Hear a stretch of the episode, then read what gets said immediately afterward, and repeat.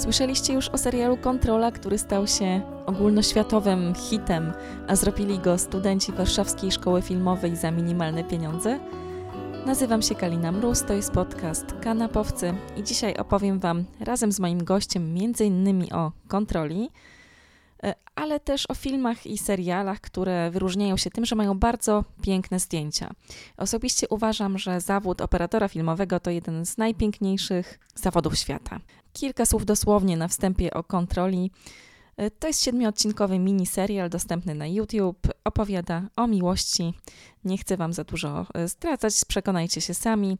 To jest raczej pozycja dla widzów młodych, o emocjach, o Warszawie. E, bardzo Wam polecam. A teraz przenieśmy się do mojego gościa.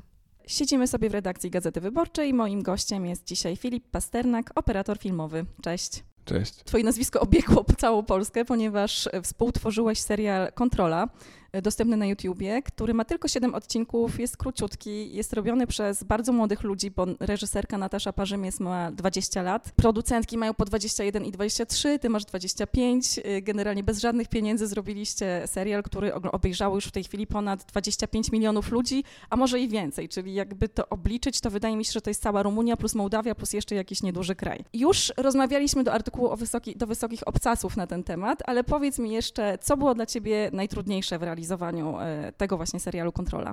Zawsze przy, y, przy, przy takich budżetach, które nie są zbyt ogromne, no problemem jest e, uzyskanie wizji, jaką się ma. Dogadanie z reżyserem to jest w ogóle jeszcze inna rzecz, ale y, przełożenie tego, co bym chciał zrobić na to, jakie mamy środki i co faktycznie można zrobić. Więc często trzeba wymyślić jakieś rozwiązania, które są dość niekonwencjonalne, nie zawsze zgodne z BHP. I oczywiście Magda Zolo, czyli kierowniczki produkcji zawsze się bardzo boją, bo to wszystko wygląda przerażająco, ale faktycznie najtrudniejszym wydaje mi się przy takich mikrobudżetach, albo nawet mniejszych niż mikro, e, jakby uzyskanie tej wizji, którą chce reżyser, czyli w tym przypadku Natasza, którą ja bym chciał uzyskać, jednocześnie nie wydając na to milionów. No, z tego co pamiętam, opowiadaliście mi, że ogromnym problemem było stworzenie lotniska i udało wam się je stworzyć y, na Wydziale Politechniki. Y, cud jakiś. Rzeczywiście to wygląda jak lotnisko. No tak, właśnie y, to do tego zmierzałem. Tak, faktycznie no, lotnisko było największym wyzwaniem, czy może nie największym, ale jednym z tych, tych tutaj trudniejszych zadań, mm, no bo faktycznie nie można wejść na lotnisko, znaczy pewnie można, ale nie, nie znowu nie za nasze pieniądze. E, i musieliśmy wymyślić coś, jak to oszukać, jak to, jak to zrobić. I tutaj też trochę się narodził język kontroli, no bo pierwszy odcinek się dzieje na lotnisku, oczywiście kolejne też mają tam jakieś epizody na lotnisku. I najtrudniejsze tutaj to było, jak to ograć, żeby widz się nie połapał, że to nie jest lotnisko, to jest gmach Politechniki Warszawskiej, znaczy nie gmach, tylko jakiś tam inny budynek. I stawialiśmy na to, że na lotnisku jest dużo szkła, dużo jakichś innych rzeczy, więc trzeba to poszukać budynku ze szkłem. No i znalazł się. No i wymyśliliśmy właśnie tutaj trochę język do kontroli, bo przez to, że tej scenografii, że tak powiem, nie było zbyt dużo, statystów było chyba siedmiu, to musieliśmy to robić na długich obiektywach, ja raczej nie pokazywać zbyt wiele. No i trochę to weszło dalej do kontroli, że to są raczej spojrzenia, zbliżenia. Tak jakoś to wyszło.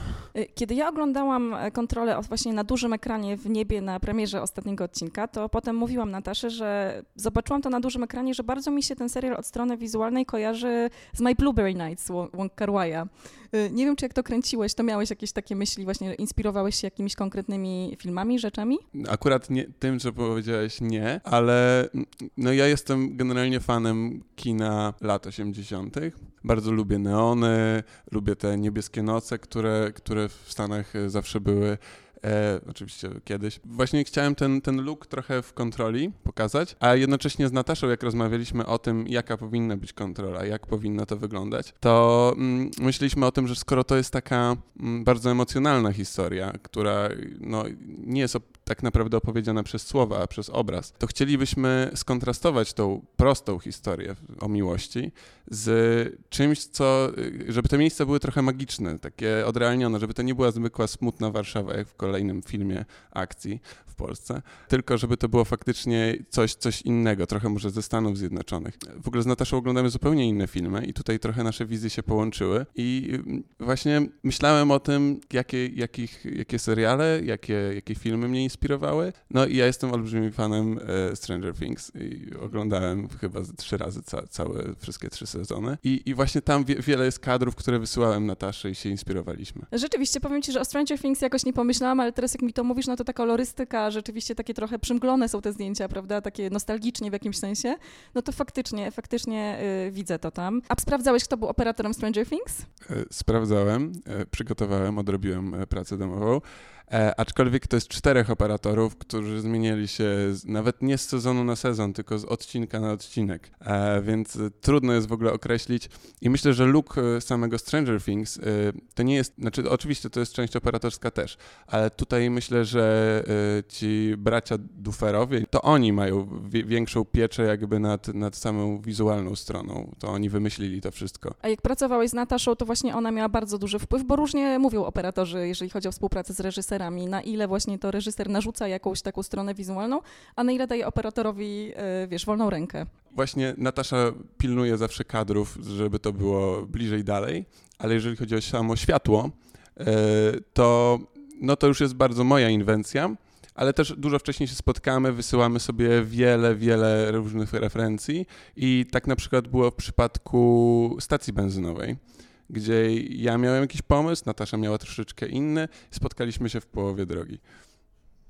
I też wspominałeś mi w wcześniejszym wywiadzie o oświetleniowcach i o roli oświetleniowców, że udało ci się zebrać bardzo duży pion operatorski. Tak naprawdę zacząłeś skromnie, a potem ci się to bardzo rozrosło i oni mieli też bardzo duży wpływ na, na to, jak to wszystko wyglądało. Znaczy, zdecydowanie bez e, całego pionu oświetleniowego e, w ogóle byśmy tego nie zrobili, bo kiedy kręciliśmy zdjęcia niskowe, było łącznie chyba 11 osób, bo mieliśmy trzy miejsca do ogrania i nie było czasu na to, żeby jak skończymy kręcić w jednym miejscu, dopiero się przestawiać na drugą. E, I potem trzecie miejsce. Więc oni się podzielili na grupy znaczy Grzesiek, mistrz oświetlenia, który jakby dowodzi całym pionem, e, podzielił ich na grupy i oni wszyscy rozstawiali osobne miejsca. Ja potem tylko z kamerą przeskakiwałem w kolejne, aktorki przebiegały i robiliśmy dalej. Bo to była noc chyba w czerwcu albo w lipcu, więc noce nie są za długie, a to jest przeszklony budynek, więc momentalnie by się skończyła noc. E, no dobrze, powiedz, oprócz Stranger Things, jakie jeszcze lubisz serial oglądać i tak jakoś bardzo cenisz właśnie pod tym kątem operatorskim, bo domyślam się, że to jest jakieś już trochę spaczenie zawodowe, że jednak się patrzy na wszystko w ten sposób, przez ten pryzmat. To prawda, jak oglądam różne seriale, to zawsze, zawsze patrzę na wizualną stronę.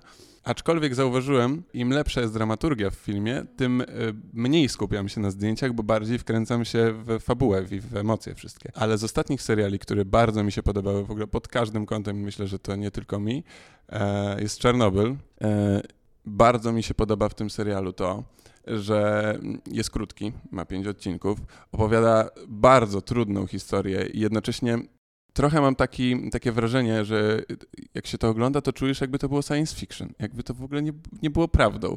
Te, te wszystkie powiązania i polityczne tam, i, i jakby katastroficzne, i, i społeczne so, są tak odrealnione na dzisiejsze czasy, a jednocześnie no, moi rodzice żyli w takich czasach i no, to było też w Polsce. Więc y, bardzo, bardzo podoba mi się też stylistycznie oczywiście, bo jest to świetnie pokazane. Mm, ale jest, to są zdjęcia, które są bardzo takie realistyczne, bo muszą być. Bez, bez tego nie, widz by nie wierzył w to, co się dzieje na ekranie. A, a z drugiej strony, mimo że są realistyczne, no to są te sceny, na przykład jak ludzie stoją na moście i oglądają ten opad cały radioaktywny, no są magiczne, są jakieś takie no właśnie nie z tego świata. To mi się bardzo podoba w tym serialu. A ciekawa jestem, czy na przykład taki serial jak Detektyw, bo to jest taki serial sztandarowy, o którym się często mówi w ramach właśnie rozmawiania o sztuce operatorskiej w serialach. Czy ty oglądałeś w ogóle Detektywa, True Detective? Nie oglądałeś. E, to ja ci powiem parę słów na ten temat i polecę ci go po prostu, e, bo to jest serial Karego Fukunagi, tego reżysera, który teraz robi Bonda e, w ogóle. I właśnie to jest kryminał, taki kryminał noir, on ma trzy sezony w tej chwili, ale właśnie ten pierwszy był taki, słynął z tego, że jest tak najpiękniej na świecie sfilmowany, na taśmie filmowej Kodaka, co się w ogóle nigdy nie zdarza, w serialach po prostu nie ma na to pieniędzy, to chyba jest bardzo drogie, tak mi się wydaje, jednak praca na filmie i rzadkość w dzisiejszych czasach. I ten operator się nazywa Adam Arkapał i on jeszcze kręcił Króla, taki film z Timothée Chalamet dostępny teraz w Netflixie, yy, prawda, szekspirowski yy, o Henryku V i też Tajemnice Lake Top, jeżeli chodzi o seriale. To też był taki kryminał yy, bardzo kobiecy, feministyczny, z, właśnie, z, który charakteryzował się bardzo pięknymi zdjęciami. No dobra, ma, a ty jeszcze masz jeszcze jakiś taki serial właśnie, który ci przychodzi do głowy? Albo film ewentualnie tylko taki, który możesz oglądać w Netflixie albo na HBO, który ci jakoś tak operatorsko zachwyca? Peaky Blinders ja się za każdym razem zachwycam, trochę nie mogę y, się trochę nie mogę zwrócić większej uwagi na fabułę, bo siedzę i patrzę na te kadry. I, i no ale jakby podobnie jak Czarnobyl, to jest dość y, realistycznie opowiedziana historia. E, a wcześniej mówiłem o Stranger Things, które jest w ogóle jakieś od, od, odpalone e, w jakiejś konkretnej stylistyce. Peaky Blinders oczywiście też ma konkretną stylistykę, ale to jest zupełnie, myślę, druga, druga strona mm, e, jakby całego spektrum zdjęciowego, jakie, jakie można pokazać. E, tak, ale no, Peaky Blinders wydaje mi się, że tak jak powiedziałaś o tym, o tym serialu na taśmie e, i o królu, króla widziałem na, na Camera Image, dobre zdjęcia E, ale sam, samego wykonania jakby całości filmu, no to nie byłem wielkim fanem. Poza tym muszę jeszcze go obejrzeć drugi raz, może w domu, na spokojnie, bo to wiadomo, na, na festiwalach to jest, to jest jakieś duże emocje i dużo innych rzeczy we krwi. Tak, ale Peaky Blinders zdecydowanie to jest jeden z takich topowych seriali, jeżeli chodzi o zdjęcia. E, myślę o jakimś polskim, ale nie mogę sobie przypomnieć na razie. To świetnie, bo ja ci polecę. polecę ci polski serial Artyści Strzępki i Demirskiego, e, twórców teatralnych. On, e, Paweł Demirski, jest e, dramatopisarzem, Monika Strzępka reżyseruje jego dramaty, współpracują razem od wielu, wielu lat. No i właśnie zrobili serial Pierwszy, który w ogóle, za który się zabrali, to było ich od dawna marzenie, to było 4 lata temu e, dokładnie. Oni nigdy wcześniej w ogóle nie robili nic, e, jeżeli chodzi o sztukę filmową, co było bardzo ciekawe, więc ten serial, no to dostali na to tak zwane zielone światło e, z dużą dozą zaufania, no bo jednak trzeba znać ten język filmowy, ale okazało się, że Monika Strzępka ma super intuicję e, w tym kierunku reżyserską. E, no i nakręciła naprawdę fantastyczny, zabawny, taki tragikomediowy serial o środowisku teatralnym polskim. E, z jego różnymi tam e, dramatami i, i, pozytywnymi rzeczami, natomiast naprawdę bardzo szczerze i tak bardzo z własnej perspektywy, ale też dowcipnie. E, Paweł to napisał. E, natomiast zdjęcia robił młody, młody chłopak, 29-letni wtedy Bartek Nalazek, Bartosz Nalazek. E, to jest taki operator, który od, lat, chyba od kiedy skończył studia na łódzkiej filmówce na Wydziale Operatorskim właśnie sztukę, sztukę operatorską, to współpracuje z Januszem Kamińskim jako jego asystent, a dzięki temu, że ma też obywatelstwo amerykańskie, no to może pracować sobie w Los Angeles i tam też mieszka na stałe. E, no i teraz dzisiaj ma 33 lata i naprawdę robi dużą, dużą karierę. Już kręci takie, już samodzielnie jako operator kręci, kręci naprawdę duże filmy. E, między innymi tam Tell to the Bees, ostatnio z Anną Paquin, czyli z takimi naprawdę dużymi, e, dużymi nazwiskami. E, ostatnio też współpra współpracował z Januszem Kamińskim przy Zewie Krwi na przykład i o tym mi opowiadał też w wywiadzie bardzo ciekawe rzeczy. Ale właśnie jeżeli chodzi o artystów, no to pamiętam, że mi się te zdjęcia bardzo podobały, bo ta kamera pracowała inaczej niż zwykle w polskich serialach, tak dynamiczniej, wchodziła między tych aktorów, jakoś starała się pokazywać emocje, była narzędziem narracyjnym takim bardzo wyrazistym. Też chłodne były te zdjęcia, fajnie filmował ten Pałac Kultury z tymi wszystkimi dziwnymi takimi monumentami, które go otaczają i on wchodził w takie zakamarki, które nie są oczywiste, jeżeli chodzi o, chodzi o Pałac Kultury. No, także bardzo ci artystów generalnie polecam i właśnie pracę Bartka e, zobacz sobie. E, bardzo chętnie zobaczę i zapoznam się z tym serialem. E, co do jeszcze seriali takich e, amerykańskich oczywiście, e, wczoraj sobie obejrzałem pierwszy odcinek e, I'm Not Okay With That I no to jest dalej trochę kontynuacja stylu Stranger Things. E, dalej jest mnóstwo m, mm, takich pasaży, kiedy główna bohaterka idzie środkiem ulicy, po której z jakiegoś powodu nic nie jeździ, a, ale bardzo mi się to stylistycznie podoba. E, nie wiem, jak się rozwinie, bo pierwszy odcinek jest dość taki zdawkowy, on są w ogóle krótkie. A, ale faktycznie, jak oglądam ten serial, no, pierwszy odcinek, to widzę, bo reklamowali go jako tam połączenie Stranger Things i jeszcze jakichś tam innych seriali. E, the End of the Fucking World, bo to jest ten sam twórca komiksów. E, to jest na podstawie komiksu tego samego kolesia, który zrobił The End of the Fucking World. Tak, właśnie. E, wyleciało mi z głowy. E, tak, i faktycznie widać tą stylistykę obydwu, obydwu seriali w tym jednym.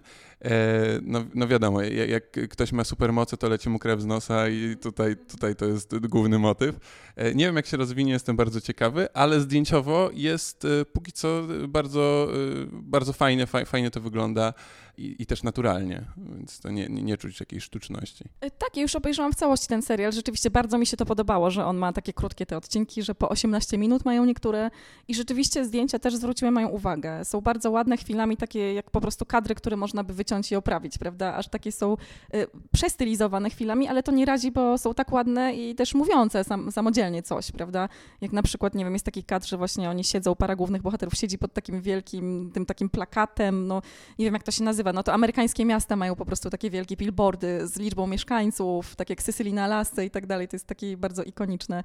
No i to też coś mówi po prostu o tym, że oni są w jakiejś takiej małej mieścinie, bardzo zaściankowej gdzieś na końcu świata, prawda?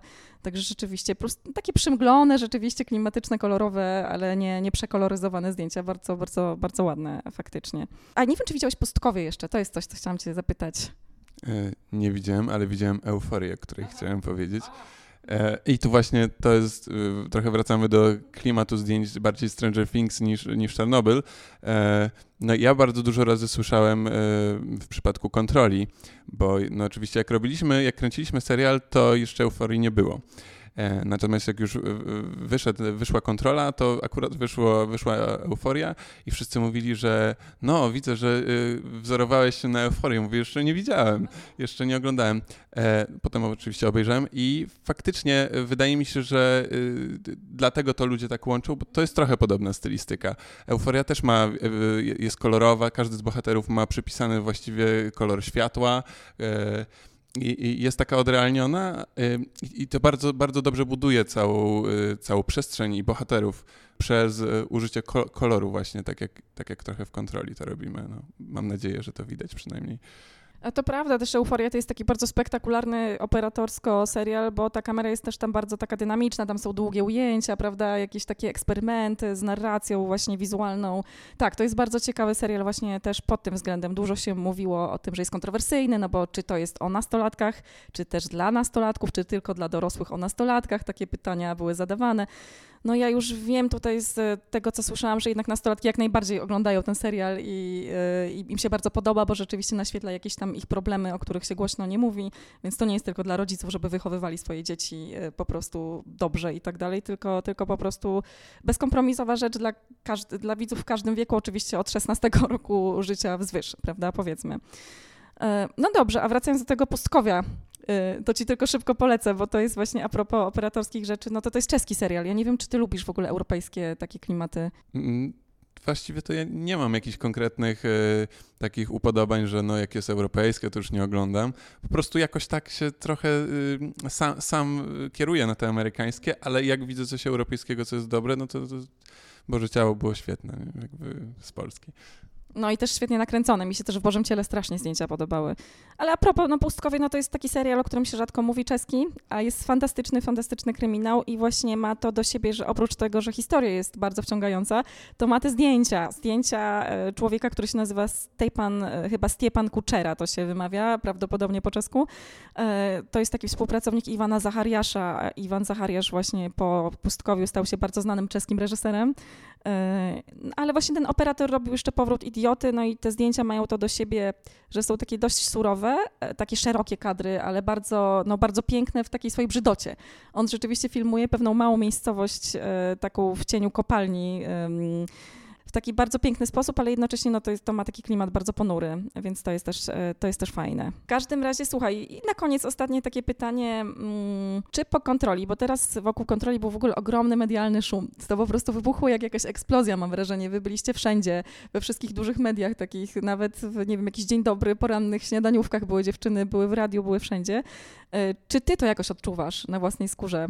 Może nie tak bardzo y, i nie tak spektakularnie jak, e, jak Ada, Ewelina i Natasza, które są po prostu teraz gwiazdami mediów i są na ustach e, każdego człowieka w Polsce. Mm, ale y, tak, znaczy z operatorami to jest troszeczkę tak, że bardziej mm, znacie branża niż, niż ludzie w telewizji, bo czy tam ludzie w ogóle. E, bo jesteś za kamerą, nie jesteś zbyt rozpoznawalną osobą i myślę, że nawet sam Roger Dickens, e, który jest dla mnie w ogóle najlepszym operatorem wszechczasów, e, myślę, że nadal nie podchodzą do niego nastolatki, nie proszą o autograf. Tak, ale z takiej branżowej strony to tak, od, odczułem dużo więcej, mam jakichś tam propozycji.